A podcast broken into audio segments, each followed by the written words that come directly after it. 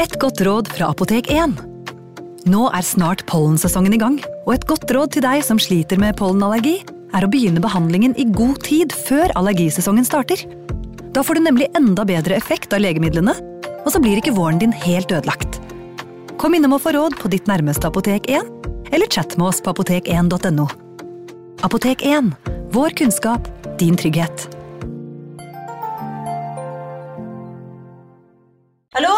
Jeg kommer fra Oslo politikammer. Ine Jansen er purk. Er du purk? The motherfucking bitch. Alt jeg vil, er å finne ut hva som skjedde med mannen min. Jon Carew. Er jeg sikta for noe? Iben Akeli. Det er du.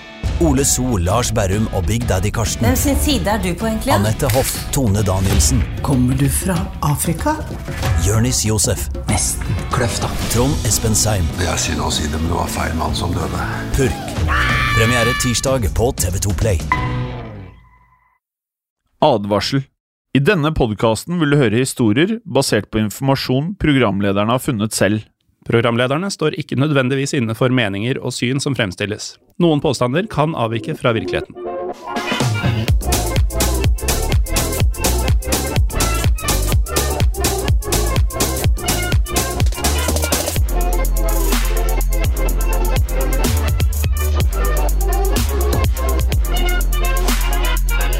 Hola, og velkommen til en ny episode av Historiepodden. Mitt navn er Morten Galaasen. Que buono verte! Eh, og mitt navn er Jim Fosheim. Godt å se deg også, Jim. Godt å se deg, ja. Vi har jo en uh, hovedperson i dagens episode. ja. For du skjønte at det var det jeg sa på spansk? Ja, ja med litt juks. Ja.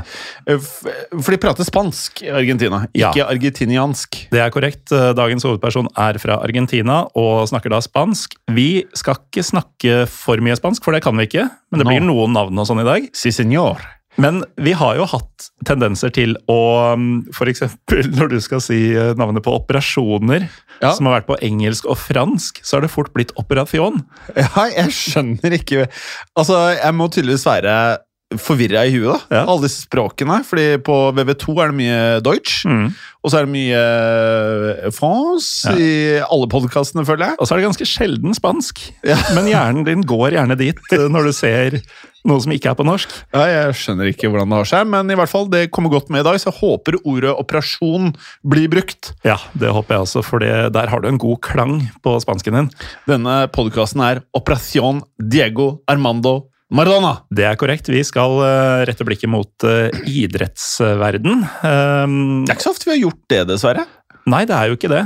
Men nå er det jo veldig mye mer enn idretten som gjør dagens person interessant. Det er jo én av tidenes beste fotballspillere, nemlig, eh, som sagt, Diego Maradona. Jeg vil nesten si at fotballen er det som gjør han Det er det minst interessante, på mange måter. Han var god, men han var, eh, han var en variant, på en måte. var en variant. altså Vi skal innom veldig mye utenomsportslig. Det skal vi. Altså, han hadde et innholdsrikt liv, Ja. kan vi jo si. Og foruten om fotball, vi vet jo at han øh, gjorde en bragd mens han var i Serie A, altså den italienske fotballen, Mm. for et lag som heter Napoli. Noen av lytterne er sikkert kjent med, noen ikke. Eh, og vi kan jo da legge til at vi skal innom eh, eh, en episode med Maradona og mafiaen også. Ja da. Ja. Og ikke bare mafiaen surrer seg inn i Maradonas liv. Vi skal også snakke litt om Cubas leder, Ja. Fidel Castro. Og vi skal i tillegg da høre om hvordan Diego Maradona trua medlemmer av bandet, og dette er ikke sånn lokalt eh, spansktalende band, trua medlemmer av Oasis på livet. Og deretter skal vi innom en av tidenes merkeligste opptredener som landslagstrener. Ja, jeg må legge til at uh, vi har jo også lyttere som ikke er på vår alder. Mm. Eh, og da er det viktig å forstå at Oasis en gang i tiden, det var svært. Det var omtrent verdens største band, sånn på midten Ja. av 90-tallet, begynnelsen av 2000-tallet, kanskje. Ja. Og på en eller annen merkelig måte så mente de selv at de tok stafettpinnen videre fra band som Beatles og Rolling Stones. da. Ja, de, um, de hadde selvtillit. De hadde mye selvtillit, eh, og de er også fotballfans. Eh, la oss nå starte med å spole klokker, kalendere, det som er, tilbake til tiden da det hele startet. Eh, vi beveger oss også til eh, landet Argentina. Mm -hmm. og vi skal til 30. oktober 1960, som var dagen da Diego Armando Maradona ble født. Ja, og da han kom til verden, så var det i den argentinske byen Lanús. Men som vi skal høre, så var det ikke der han vokste opp. Han vokste opp i en landsby som heter Via Fiorito. Og um, han ble jo da også født inn i en ikke veldig velstående, men heller ganske fattig familie. Ja, Som er uh, ofte gjengangeren for mange uh, fotballspillere fra den delen av verden. Mm. Farens uh, navn var, som mange kommer til å forstå nå, ikke overraskende Diego Maradona senior. Yes. Ja. morens navn var Dama Salvadora Franco. Ja, og Diego junior, Diego Armando Maradona, han var da parets femte barn. For da han ble født, så hadde Diego senior og Damla allerede fått fire døtre. Ja, han skulle få en søster til, og også to eh, småbrødre. Og dermed så hadde foreldrene til slutt da en flokk på åtte barn.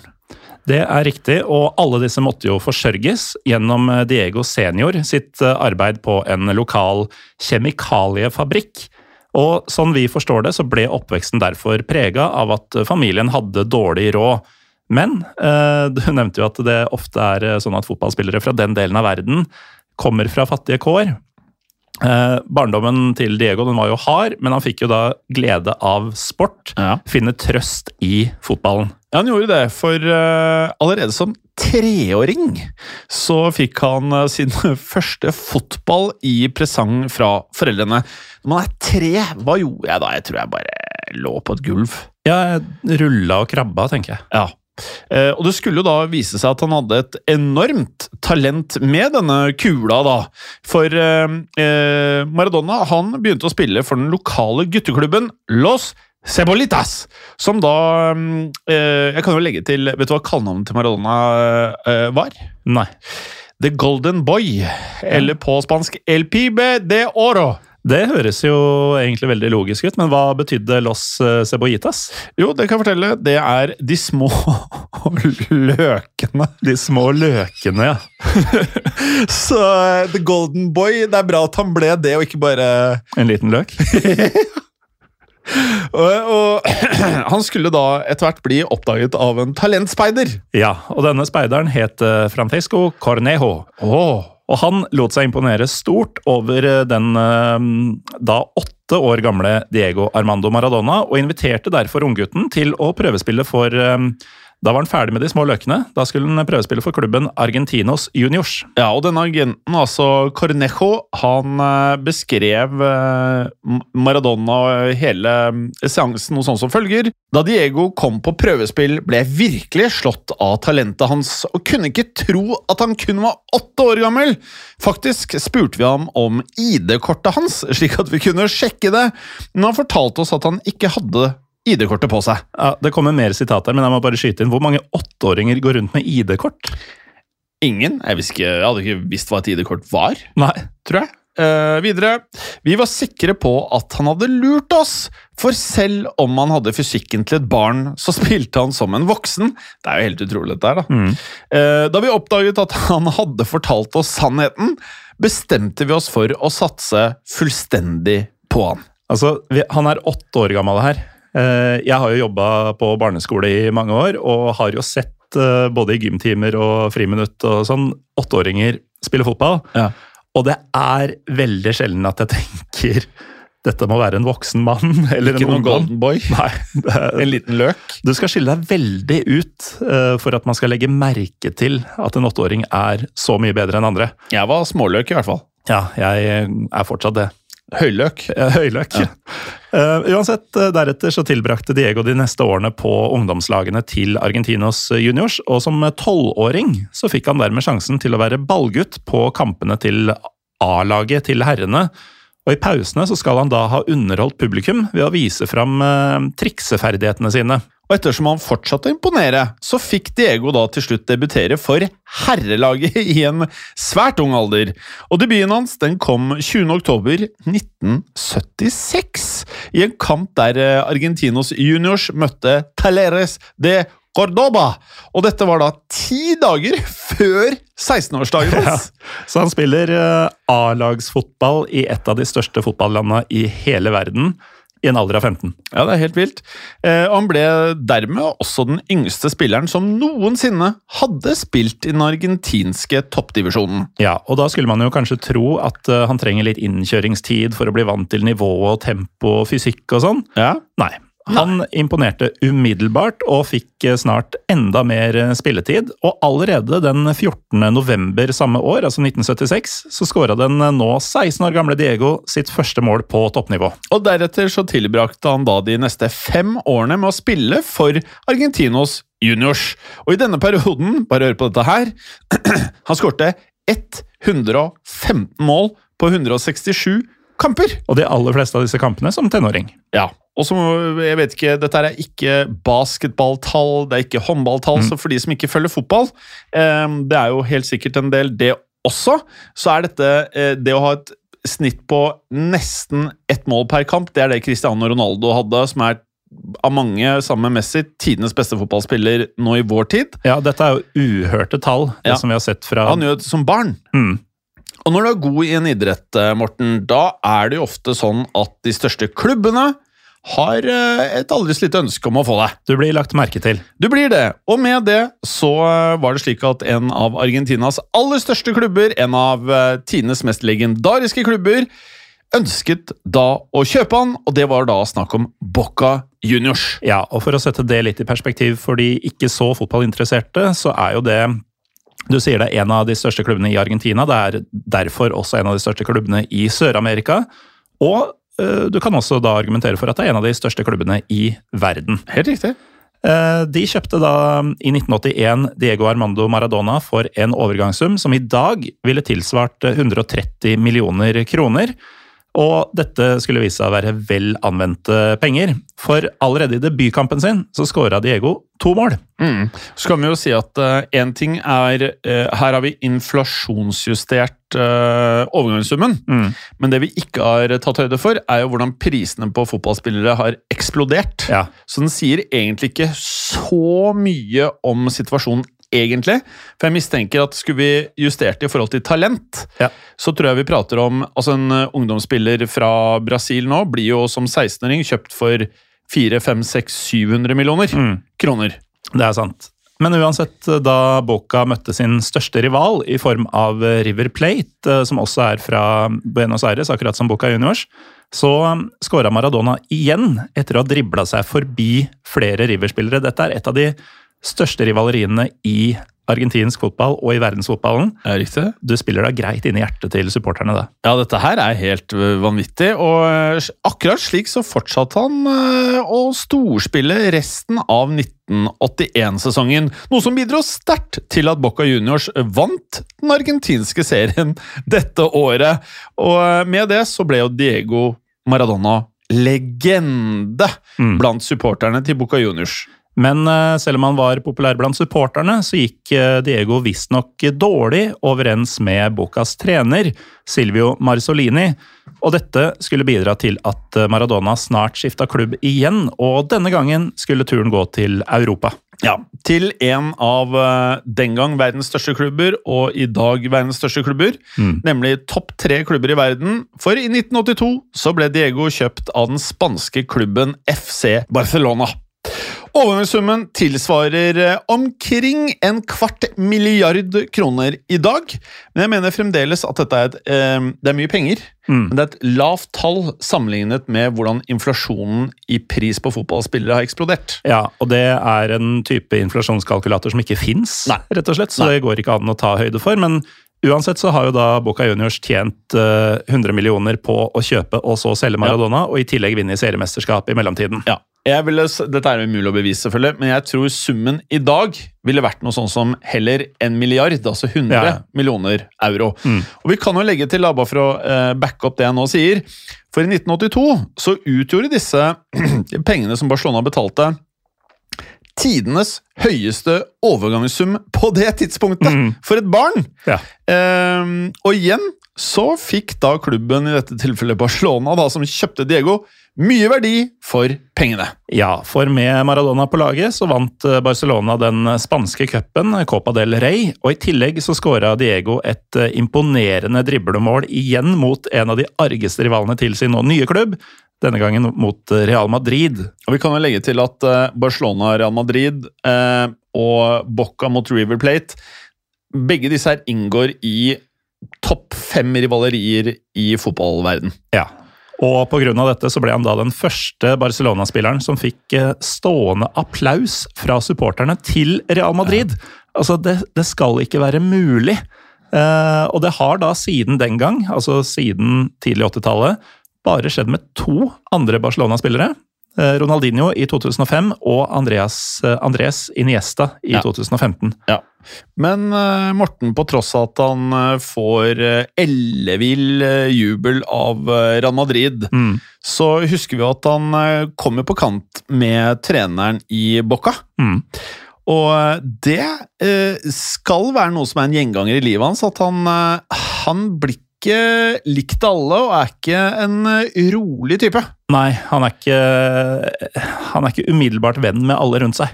Nei, for tiden hans dessverre da i Barcelona ble etter hvert eh, preget eh, mye av skader, også kontrovers. Mm. Ja, vi aner jo konturene av en litt uh, komplisert og vrien type. Ja, definitivt. Uh, og bråket det startet for alvor i 1983. Og da er uh, Maradona 23 år gammel. Mm. Og dette skal det er spesielt en hendelse da Barcelona spilte en seriekamp mot Atletic Bilbao som utmerker seg. For på laget til Bilbao kunne man nemlig finne den beryktede forsvarsspilleren Andoni Gojkoetska. Ja, det, det, er jo en baskisk eh, variant, dette her. Jeg tror det uttales Gojkochea. Ja, til dere lyttere, det skrives, altså Etternavnet hans skrives G-O-I-K-O-E, og så T-X-E-A. Ja. Så det er, det er, jo et vrient navn, men. Eh, det er jo også litt av et eh, kallenavn, denne mm, Goicochea her. Ja, for uh, vi spiller jo inn andre podkaster, Morten, nemlig Gangsterbånden, blant annet. Mm. Vi spiller inn historiebånd andre verdenskrig, og mange av disse nazistene og gangsterne de har jo kallenavn som er helt vanvittige. Ja, og vi skal nå høre et kallenavn som man kanskje ville tro passa bedre på en gangster eller nazist ja. eh, enn på en uh, fotballspiller. Ja, Og veldig ofte så har selv ikke de så heftige kallenavn. Han fyren her, altså Andoni Goycochea, han gikk under El Garnicero de Bilbao. Ja. Og så, til dere som ønsker å slippe gul translate, så betyr det på norsk Slakteren fra Bilbao! Ja, og det var jo et kallenavn som var et resultat av, ikke overraskende, en svært eh, røff eh, spillestil. Og det skulle Maradona nå få erfare på kroppen. For under kampen mot uh, dette laget fra Bilbao så kasta Goicochea seg inn i en brutal takling på Diego, oh. som gjorde at uh, Maradona brakk uh, ankelen. Og denne skaden var potensielt karrieretruende, mm. men etter en tre måneder lang behandlingsperiode så kunne Diego vende tilbake til fotballbanen. Og da han skulle møte El Carnifero de Bilbao, altså slakteren fra Bilbao, gå i Corchea igjen, da gikk det enda hardere for seg. Ja, for i 1984 så skulle dette skje. Da møtte Barcelona Atletic Bilbao hverandre i Copa del Rey-finalen. Denne gangen så brøt det ut en full slåsskamp mellom lagene. For mot slutten av kampen så ble Maradona utsatt for nok en knallhard takling fra slakteren. Og dette kom da på toppen av at Bilbao-fansen hadde kommet med flere faktisk da rasistiske tilrop mot Maradona. Og Barcelona tapte da kampen 1-0, og det kokte til slutt fullstendig over. Og triggeren skal visstnok ha vært at eh, Bilbao-spilleren Miguel Sola skal ha kommet med en rasistisk bemerkning til eh, Maradona, noe som gjorde at Diego skalla til Miguel Sola, før han fulgte opp med å albue en annen Bilbao-spiller i ansiktet. Så her settes det i gang noe ordentlige tumulter.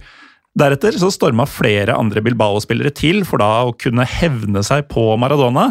Og en av disse var selvfølgelig slakteren sjøl, Andoni mm. Goicochea, som eh, traff eh, Maradona med et spark i brystet. Men heldigvis for Diego så kom det nå flere Barcelona-spillere til for å hjelpe, og da brøt det ut et masseslagsmål med Diego Maradona i sentrum. Og dette masseslagsmålet det foregikk foran et eh, publikum på 0,1 millioner mennesker. Ja. Også en måte å si 100 000 på. Ja, 100 000 mennesker, og hvor var det denne kampen ble spilt? Det var på Santiago Bernabeu i Madrid. Ja, helt riktig. Og blant disse så var også Spanias konge, Juan Carlos. Ja, Han likte å dra på det stadionet. Ja, Han likte det veldig godt, og han fikk da se Diego Maradona slå og sparke løs på alt som fantes av Bilbao-spillere. Selv om man kan jo argumentere for at man skjønner hvorfor han ble sint. Ja, men uh, idet dette slagsmålet på banen utspilte seg, så lot også flere av tilskuerne seg provosere. Det er jo gjerne en snøballeffekt uh, her. Og Det resulterte da i at publikum begynte å kaste gjenstander mot eh, både fotballspillerne, men også trenerne og fotografene som tilfeldigvis befant seg på banen. Og pga. dette så ble hele 60 personer skada. Og etter at denne skandalen da var blitt et faktum, så ble Diego Maradona uønsket av klubbledelsen i Barcelona. Og da vet vel den årvåkne lytteren hva som sto i vente, nemlig nok en overgang. Og denne gangen så skulle Maradona eh, over til den søritalienske klubben Napoli, som da var med på å sementere hans legendestatus. Ja, de kjøpte Diego Maradona i juli 1984. En snaut 24 år gammel Maradona, altså. Som i løpet av tida i Barcelona hadde skåra 38 mål på 58 kamper. Meget respektable tall. Så da Napoli kjøpte Maradona for en sum som i dag utgjør 600 millioner kroner, så utgjorde det en ny rekord for høyeste overgangssum. Og vi, vi, snakker kanskje mer om det når vi er i gangsterpodden hjem, men Napoli, altså den byens rykte, er vel som kanskje Italias galeste by, omtrent? Jeg kan legge til at eh, jeg var i bryllup i Toskana. Mm. Og når vi landet på eh, flyplassen i eh, Roma og skulle hente leiebilen, så fikk jeg ett spørsmål. Are you going to Napoli? Mm. Så sa jeg nei. Very, very good. Så hvorfor eh, spør du om det? Because the insurance will not cover anything that happens in Napoli. Ja. Det, det, sier jo litt, da. Og de spør ikke om et spesielt område, det er den ene byen. Ja. Så det er kanskje ikke noen overraskelse at det var i Napoli at Diego Maradona skulle bli en levende legende. Om han ble, for eh, da han ankom klubben, så eh, var jo eh, Maradona nå blitt nesten 24. Mm. Og han var da i ferd med å gå inn i sin aller beste alder som fotballspiller. Og allerede før han hadde spilt en eneste kamp for Napoli så ble Maradona mottatt som en helt i byen. For da han ble presentert for eh, fansen, altså Napoli-fansen, på klubbens hjemmebane, Stadio San Paolo, så ble han hyllet av igjen nesten 100 000 mennesker. eh, rett under 80 000 supportere møtte opp. Ja, og den eh, videoen finnes på YouTube, hvis man vil se det. Det er altså Du skulle tro at de har blitt mester men de har egentlig bare henta en 23 år gammel eh, spiller. Mm. Men det er jo ikke en hvem som helst, dette her. da. for det hadde seg nemlig sånn at Napoli var en klubb som var langt ifra å være Italias eh, beste. Og den italienske ligaen, som heter Serie A, den ble dominert av klubber fra den mer, mer velstående nordlige delen av landet. Særlig da klubbene Juventus og AC Milan som eh, kommer fra henholdsvis eh, Torino og Milano. Vi kan jo legge til at eh, vi spiller jo inn denne her i starten av 2023. Mm. Så kan vi legge til at as we speak så leder nå Napoli symbolsk, i og med at vi spiller denne episoden, mm. Serie A. Uh, og de ser ut til å dra dette i mål for første gang på så lenge jeg har fulgt fotball. Ja, det er nettopp det. Og med på laget har de en eh, georgisk uh, spiller som har tatt ligaen og laget med storm. Og han heter Kvadrasjelia, men har et kallenavn. Ja, og det er Kvaradona. Yes. Men denne dominansen som du nevnte, Morten, fra klubber som Juventus og AC Milan, den gjenspeilet et eh, langt større samfunnsskille mellom det fattige Sør-Italia og det rike Nord-Italia. Mm. Og da Maradona da kom til Napoli, så ble han gjort til et symbol på hvordan det fattige sør kunne nå endelig hevde seg mot det rikere nord. Og dette ble f.eks. uttrykt da en napolitansk lokalavis beskrev tilstanden i byen på følgende måte. Mangelen på hus, skoler, busser, sysselsetting og sanitæranlegg betyr ingenting siden vi har Maradona. Ja, og det sier jo ikke rett lite, da. Det er noen forventninger på deg nå. Meget uh, høye forventninger. Uh, og med det så ble jo da Diego raskt utnevnt til kaptein på laget til uh, Napoli. Og som lagets største stjerne så var det nesten på egen hånd at han da gjorde om Napoli til et av Italias aller beste fotballag. Og han ble også anerkjent som verdens aller beste fotballspiller, noe som særlig ble klart i 1986, da Maradonas Argentina vant VM i fotball. Ja, og her er det kanskje noen lyttere som har både sett og hørt om hvordan Diego Maradona nesten på egen hånd dro Argentina gjennom denne turneringa. Blant annet ved å skåre to på hvert sitt vis eh, legendariske mål i semifinalen mot England. Og det ene av disse har blitt husket som Guds hånd. Mm. Ja. Eh, og det er ikke uten grunn, kan jeg fortelle. Nei. For eh, målet det ble mer eller mindre feilaktig godkjent da Maradona da brukte hånden til å bare bokse ballen i mål bak eh, den engelske målvakten Peter Shilton. Ja, jeg tror du kan droppe mer eller mindre der. Det var ganske Ja. feilaktig. for det den videoen kan du selvfølgelig også se på YouTube, men det er ganske tydelig et klask med hånda langt over hodet. Men jeg, liker at det skjedde. Mm. Jeg savner jo tidene hvor det ikke var var og det der greiene hvor det skjedde blemmer. Ja, jeg er veldig glad for at vi nesten 40 år seinere kan diskutere det målet fortsatt. At, at det faktisk fantes, og ikke Ja. bare ble oppdaga med en gang. Ja, og til de, de av dere som er født etter år 2000, så aner dere ikke hva vi prater om. Mens dere hører på podkasten, gå inn på YouTube, se målet, for det er ganske utrolig. I hvert fall med det man eh, kjenner fra fotballen i dag, så ville jo ikke det skjedd mest sannsynlig i dag. Det ville ikke det, men jeg, jeg sa at det var to legendariske skåringer fra Maradona i den kampen, Jim. Ja, for eh, selv om Diego ikke var eh, fremmed for å bruke ulovlige metoder, så lurte han også engelskmennene på lovlig vis. Ja, for det andre målet hans ble nemlig skåra etter at han dribla seg forbi nesten hele det engelske laget.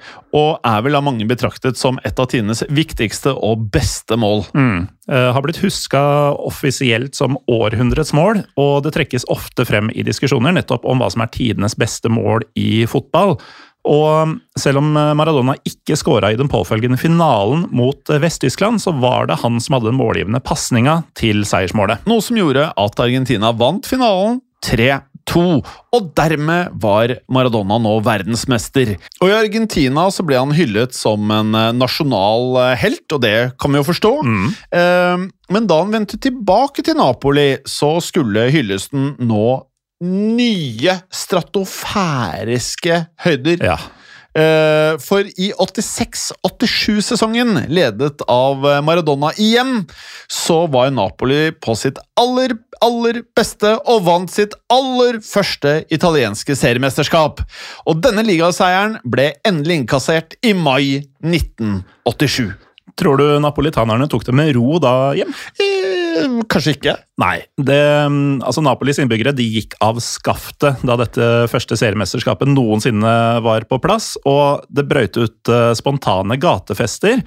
Og gjennom en hel uke så ble byen da åsted for feiringer som varte døgnet rundt. Altså det, det bare pågikk og pågikk og pågikk døgnet rundt i en uke. Og som en del av dette så avholdt da napolitanerne seremonielle begravelser for disse tidligere nevnte rivaliserende nord, eh, nordlige klubbene, altså Juventus og AC Milan. Uh, og sånn vi forstår det, så fikk da disse klubbene hver sine respektive kister, og disse kistene ble så brent. Ja. I tillegg så ble det publisert offisielle dødsnotiser, eller nekrologer, for eh, Juventus og AC Milan. Og på disse sto da dødsdatoen oppgitt som mai 1987. Mm. og man kunne også finne følgende tekst da. Det andre Italia har blitt beseiret. Et nytt imperium har blitt født. Altså, Vi snakker ikke om storpolitikk eller en valgseier eller revolusjon, vi snakker om et fotballmesterskap. Ja, det er helt riktig det. Og som om ikke det var nok, Morten, så ble bygningene i Napoli også dekket av veggmalerier av Diego Maradona. Og som vi var innom, så er det nok mange av lytterne våre som aldri har sett Maradona spille fotball, eller kanskje ikke engang har sett et bilde av han. Nei. Han hadde et annet kallenavn også, ikke bare The Golden Boy. Han, het, eh, han gikk også under El Pelosa. Hva betyr så, det? eh, på, på engelsk så The Fuss. Eh, angivelig så var det på grunn av at han var han var ganske kompakt i kroppen. Ja. Han var kanskje en tredjedel av din høyde, Morten. Og motsatt hårfrisyre. Han hadde masse krøller som ofte Ja. var våte når han spilte fotball. Litt sånn lykketroll. eh, eller? Ja, ja. Eh, og med det El Puloso, eh, The Fuzz. Ja. Og som dere lyttere nå sikkert har uh, forstått, så var han uh, nå, selv om han ikke var fra Italia, ansett som en italiensk helt. Og med det så var det både mødre og fedre som da ønsket å ja, kalle barna sine for det samme som The Fuzz, nemlig Diego. Og i årene fremover så ble vår mann nærmest dyrket som en levende gud i Napoli, og flere ble hetende Diego. Ja, og i 1987-88-sesongen, altså påfølgende sesong etter at de tok dette første gullet, så leda Diego Maradona Napoli til et nytt seriemesterskap. Og i tillegg så vant laget den italienske cupen, som går under navnet Coppa Italia.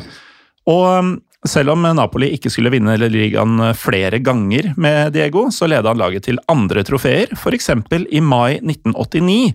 For da vant nemlig Napoli Uefa-cupen, som var eh, den nest gjeveste europeiske turneringa på den tiden. Og når du er en helt, Morten, og du har vunnet det som kan vinnes i fotball, da må du jo også finne deg en eh, dame.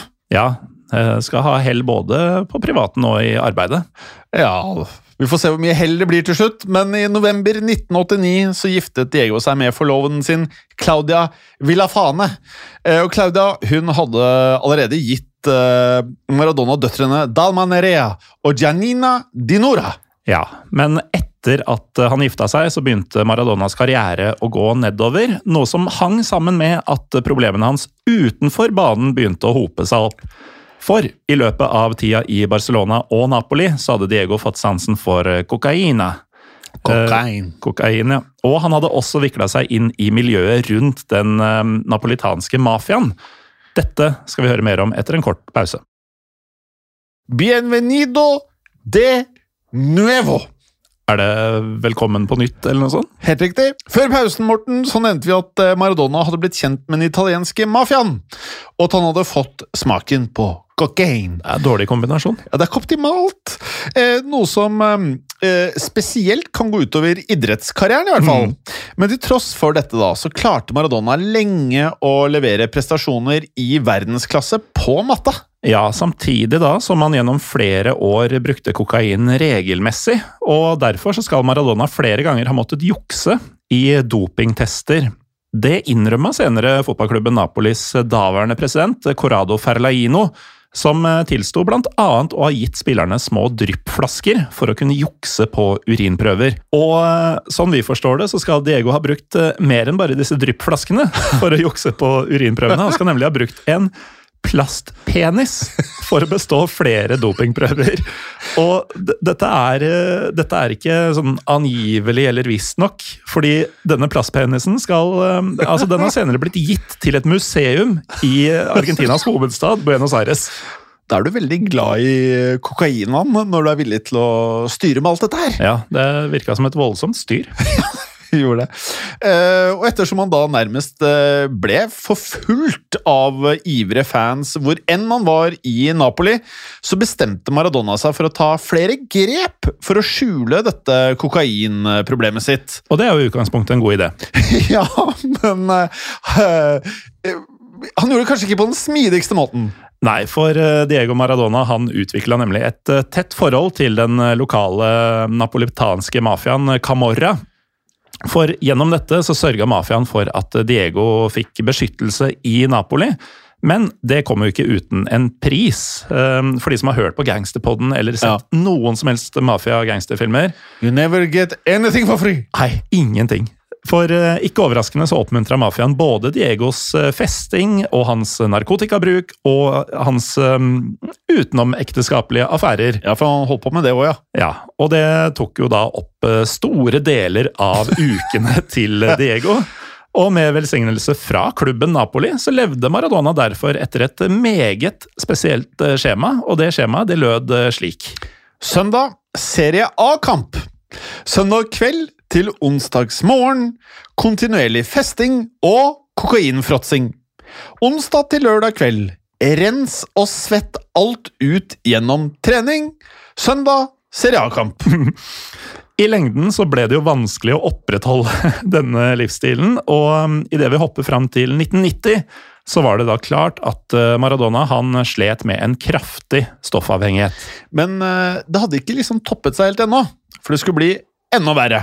For under fotball-VM samme år så ble Italia slått ut av Argentina med Diego Maradona Ja. i spissen. Og på mange måter så var det Maradona som da sendte italienerne ut av VM med straffesparket sitt. Ja, og dette gjorde at Maradona ble en meget upopulær mann i Italia. Eh, Riktignok eh, alle andre steder enn i Napoli. Ja, og vi har jo så langt beskrevet en unik person, De Mm. Han eh, ble ikke alltid bestevenner med trenerne, og han hadde syn på ting som kanskje var annerledes enn andre mennesker. Ja. Og av at han nå hadde blitt upopulær i Italia, på grunn av dette straffesparket, da, så ønsket han å finne seg en ny klubb i et helt annet land. Ja. Men eh, det var ikke Napolis klubbpresident Corrado Ferlaino spesielt gira på. Nei, han hadde jo gjort sitt for å holde Maradona blid og fornøyd, gjennom da å hjelpe til med disse mm, dopingprøvene og skjule livet hans eh, litt for allmennheten. Ja.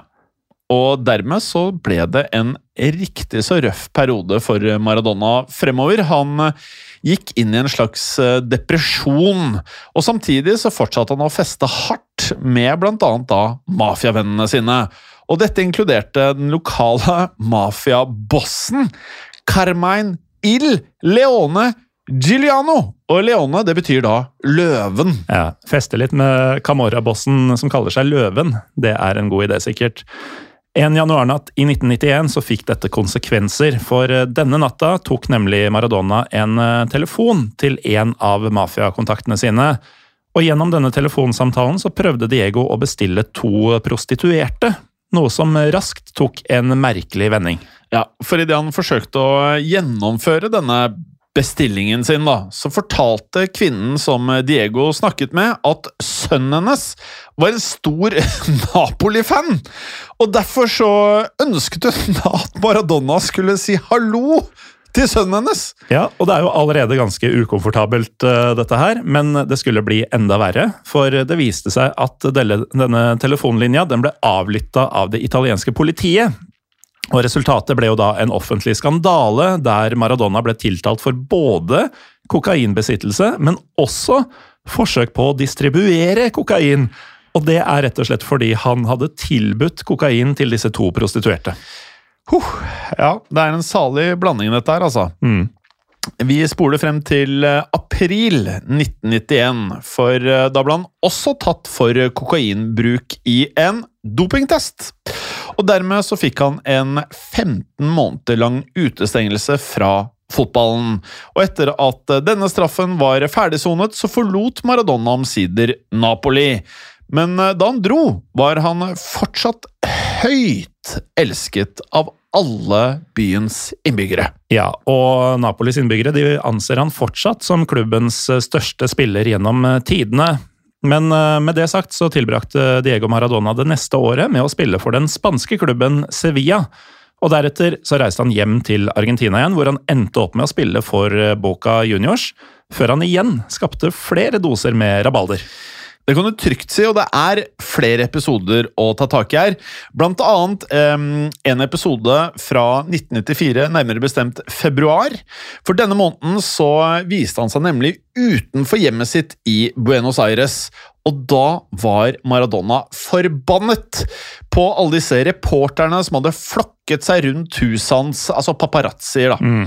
Likevel var det ingen som forventet uh, det som skulle komme. For mens eh, TV-kameraene rullet for eh, alle munndurer, så stilte Maradona seg bak en bil. Og herfra begynte han så å plaffe løs mot reporterne med et luftgevær. Og dette er jo grei indikasjon på at nå begynner det å gå nedover her. Og dette gjorde jo da at tre journalister faktisk ble skada. Og disse journalistene gikk derfor til søksmål mot eh, Maradona. Men uh, saken den endte først fire år seinere, med at uh, Diego ble erklært skyldig, men uten å få straff. Og i mellomtida her, altså mellom denne plaffinga med luftgevær og eh, rettssaken, så fikk Maradona sjansen til å delta i ett siste fotball-VM. Ja, som også endte i en skandale. da Maradona ble tatt i å bruke da et eh, ulovlig stoff, nemlig efedrin.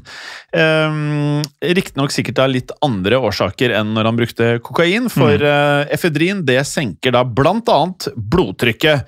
Eh, og dermed så ble han da utestengt fra hele turneringen. Men ifølge Maradona selv var det den personlige treneren hans som gjorde en blunder. Ja, for denne personlige treneren eh, skulle da ha gitt Maradona en energidrikk som het Rip Fuel. Angivelig så var det gjennom denne at eh, Diego fikk i seg efedrin, altså dette forbudte stoffet. Ja, så vi vet ikke helt hva som skjedde, selvfølgelig, men eh, det høres jo litt suspekt ut. Mm. Eh, med det sagt så var det nå ingen tvil om at karrieren dessverre til Maradona gikk mot slutten. Eh, vi kan hoppe frem til 1997, for da pensjonerte Maradona seg omsider fra fotballen.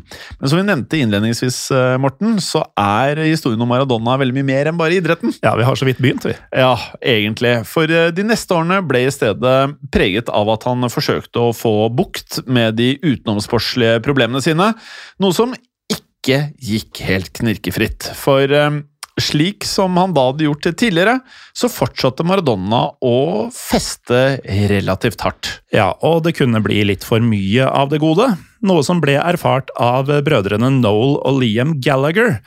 Eh, vi nevnte jo også disse innledningsvis. Gallagher-brødrene var da frontfigurene i dette bandet Oasis. Ja. Og etter å ha spilt en konsert i Argentina altså Vi er da på slutten av 90-tallet, da Oasis er på sitt største, og som sagt ett av de største bandene i hele verden. Kanskje gjennom tidene? Mm. Um, men dette er virkelig storhetstida deres. Og etter å ha da spilt en konsert i Argentina, så dro brødrene videre til en lokal bar. Og på denne lokale baren, hvem støter de på? Diego Maradona i ordentlig partyhumør. Episoden har eh, senere blitt gjenfortalt av Liam Gallagher, og den går noe sånn som følger. We were going Who the hell's that? We found out it was Maradona. He'd gone upstairs with a load of mad heads and a woman of the night. We asked the interpreter if we could meet Maradona, and the interpreter said, All right, cool, let me go and square it with them. Ja, så, så langt har de da innsett at Maradona er på puben og har lyst til å møte han. Ifølge Liam så skjedde deretter følgende. We steamed up there, and there's loads of activity going on. Maradona's in the middle of the room doing football tricks with a bottle top. He's sweating his balls off. I said, It's a bit moody in here. Let's get a quick picture with him, and we'll fuck off. Men da de var på vei ut, så la brødrene Gallagher merke til at eh, Diego hadde en rask diskusjon med denne tolken deres. Som formidlet følgende beskjed fra Maradona. He told me to tell you if you leave with any of his women, he'll have you shot. Så Maradona haster bort til uh, denne tolken for å bare si fra. Uh, hvis de tar med seg noen av disse damene jeg har tatt med meg, da blir de skutt. Ja. Og han har jo skutt folk allerede, det veit vi. Um, sånn vi forstår det, så tok da brødrene Gallagher denne oppfordringa til seg og forlot baren uten noe oppstyr og uten å ta med seg Maradonas kvinner. Men som denne hendelsen kanskje illustrerer, så var det nok på tide at eh, Maradona fikk hjelp for disse stoff- og alkoholproblemene sine. Det var det, og da kom eh, hjelpen fra et eh, noe uventet hold. Redningen ble nemlig Cubas daværende leder, Fidel Castro. Ja, for gjennom hele livet så hadde Diego Maradona uttrykt politisk støtte til Fidel Castro. Og med tiden hadde derfor disse to fått en eh, god tone seg imellom. ja. Og i år 2000 så flytta Maradona til Cuba for å gjennomgå et eh, avrusingsopphold ved en lokal eh, helseklinikk. Og dette oppholdet ble faktisk da betalt av Fidel Castro. Ja. Men samtidig som Diego fant seg til rette på Cuba, så utvikla han en ny avhengighet. Og denne gangen var det til en sport ved navn golf. Ja, det er ikke så ille. Det trenger ikke å være det verste. Nei, det trenger ikke det. Maradona skal nemlig ha blitt så oppslukt i golf at han ofte spilte runder på 18 18 hull hver dag. Og dette gjorde han ved Habanas eneste golfklubb, faktisk, der den eh, nå svært overvektige Maradona la beslag på eh, klubbens eneste golfbil. Jeg kan jo skyte inn at eh, det er ganske vanlig ved avrusning at man går eh, ganske kraftig opp i vekt. Og når vi i tillegg vet det vi vet om livsstilen til Maradona, med all denne festinga og sånn, så er det ikke sikkert at det var fokus på veldig sånn godt kosthold heller i, i glansdagene. Nei, eh, og vi kan jo legge til også at eh, når han kjørte denne eneste golfbilen, da, så gjorde han det sammen med en egen livvakt. Og slik vi forstår det, så skal Maradona ha blitt eh, så avhengig av golf at han noen ganger spilte om natten. Og visstnok så hadde han og livvakten da lommelykter og selvlysende golfballer. Da, da vil du spille golf, for det hørtes uh, upraktisk ut. Du vet sånn, Man prater om at folk kan ha addictive personalities. Jeg føler kanskje at Maradona hadde Det kan godt være. Og eh, når han da fikk et godt treff, så skal Maradona ofte ha hoppa opp og ned nesten som et barn. Og før han da kasta en golfball i lufta som han deretter eh, rett og slett dempa på brystet som en fotball. Det var sånn han feira et godt treff i golfen. Og det kan vi like. Eh, Det kan vi godt like. Um, Så kan vi hoppe fram til eh, den 30. oktober 2001, eh, som er Maradonas eh, 41-årsdag. Og da ble han invitert til presidentkontoret til Fidel Castro, hvor Castro visstnok lot seg imponere da Maradona viste han tatoveringa som han hadde på venstrebeinet sitt. Kan jo legge til at uh, under hele karrieren så var det jo nettopp venstrebeinet som var uh, den store styrken til Maradona. Så det er på en måte praktdelen av kroppen hans. På dette venstrebeinet så hadde Maradona en tatovering av Fidel Castro. Ja. Og deretter dro Maradona videre til en privat bursdagsfest som ble arrangert for nettopp han. Ja, og jeg vil nå poengtere før du sier det du skal si, at uh, vi da er på 30. oktober 2001, uh, kort tid etter uh, 11. september 2001. Ja Og da skal Maradona ha dukket opp på sin egen private bursdagsfest, utkledd som Osama bin Laden. Ja, det er altså en halvannen måned drøyt siden eh, 9-11. Men slik jeg forstår det, så ble det ikke noe stor skandale ut av dette denne gangen. Nei, det hjalp nok å være under Castros vinger på Cuba da dette skjedde. Eh, I løpet av de neste årene så gjorde oppholdet på Castros eh, helseklinikk at eh, Maradona etter hvert faktisk fikk bukt med disse problemene sine, takket være mm, både avrusning, men også en slankeoperasjon. Og da Maradona reiste fra Cuba i 2004, så var han derfor blitt en friskere versjon av seg selv igjen. Ja, og med det så nærmet det seg da et comeback i fotballverden. Eh, vel å merke ikke som spiller denne gangen, men som en fotballtrener. For i 2008 så var det mm, argentinske landslaget på utkikk etter en ny hovedtrener, og da skjønner jo folk hvor vi skal. For blant disse kandidatene til denne jobben så endte de til slutt opp med Diego Maradona som hovedtrener. Ja, og med det starta en av de merkeligere trenergjerningene i VM-historien. For etter at eh, Diegos Argentina så vidt kvalifiserte seg, så ble landet klart for VM i 2010. Likevel hadde Maradonas taktiske valg som trener blitt kritisert av media. Da Argentina kvalifiserte seg, så holdt han derfor en pressekonferanse. hvor han ga følgende beskjed. Chupalo u sigue chopandolo. Som eh, på engelsk ville blitt noe sånt som Suck it and keep on sucking it. Det er beskjeden han har til sin egen presse. Og Derfor så var det kanskje ikke overraskende at mediene de fortsatte å være kritiske mot Diego, selv etter å ha fått beskjed om å fortsette å suge den. Ja, no, Noe av det som ble kritisert, var f.eks. at han i sine første 18 måneder som trener brukte totalt 108 forskjellige spillere.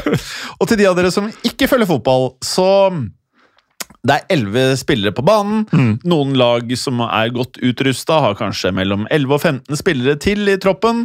Eh, og da er du på godt under 30 spillere. Ja, Her testa man 108 mann. Ja, På da ett og et halvt år. Ja. Og et landslag spiller jo heller ikke så veldig mange kamper som et klubblag gjør, så dette er ganske fascinerende. Men dette var ikke den eneste kontroversen Diego skapte, for um, da han kjørte til pressekonferansen der han skulle kunngjøre den endelige VM-troppen på 23 mann, så kjørte Maradona bilen sin over foten til en fotograf. Ja, som deretter fikk følgende beskjed fra Maradona. For et rasshøl du er! Hvordan kan du sette beinet der hvor det skal bli overkjørt? En normal person som kjører over foten til noen, ville kanskje heller sagt 'unnskyld, gikk det bra'? Ja, noen ville det. Ja, Men ikke Maradona. Og da Diego så annonserte troppen sin, så var det også mange som rynka på nesa. Eh, særlig pga.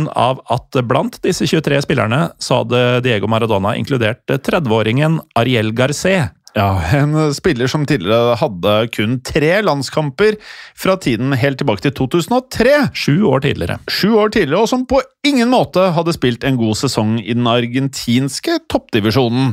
Forklaringen på dette var visstnok at Maradona hadde hatt en drøm, og i denne drømmen eh, så var det noe sånn som at Argentina da vant 2010-VM, men da Diego hadde våknet opp, var det eneste ansiktet han kunne huske Ariel Garces. Ja, og i håp om at denne drømmen da skulle gå i oppfyllelse, så bestemte Maradona seg for at Garcé måtte inkluderes i troppen hans. Og um, som om ikke det var nok, så bemerka Maradona seg også på andre måter før VM starta. Eksempel etter å ha forsøkt å kysse hunden sin, noe som eh, gjorde at hunden bet han i ansiktet. Og Derfor så valgte Maradona å gro ut skjegget sitt. Ja. En eh, avgjørelse han forklarte på følgende måte. Jeg grodde det fordi huden min nesten spiste munnen min og ga meg et stort arr. Døtrene mine forteller meg at jeg ser bra ut med skjegg, så jeg beholder det. Ja, altså Dette må være litt av et bitt. Du har fått et stort arr og nesten spist, fått spist opp munnen din. Ja. Da, da gror du skjegg, vet du. Med det sagt så gikk jo denne VM-turneringa omsider av stabelen sommeren 2010, og her fortsatte Maradona å skape overskrifter. Særlig gjennom en serie med det som vi har blitt vant til, egentlig. En serie med merkelige pressekonferanser, der han blant annet skrøyt av at han data en blondine ved navn Veronica. Ja. For på dette tidspunktet hadde nemlig Maradona skilt seg fra kona Claudia. Med det sagt brukte han også den samme pressekonferansen til å erte flere tyske landslagsspillere.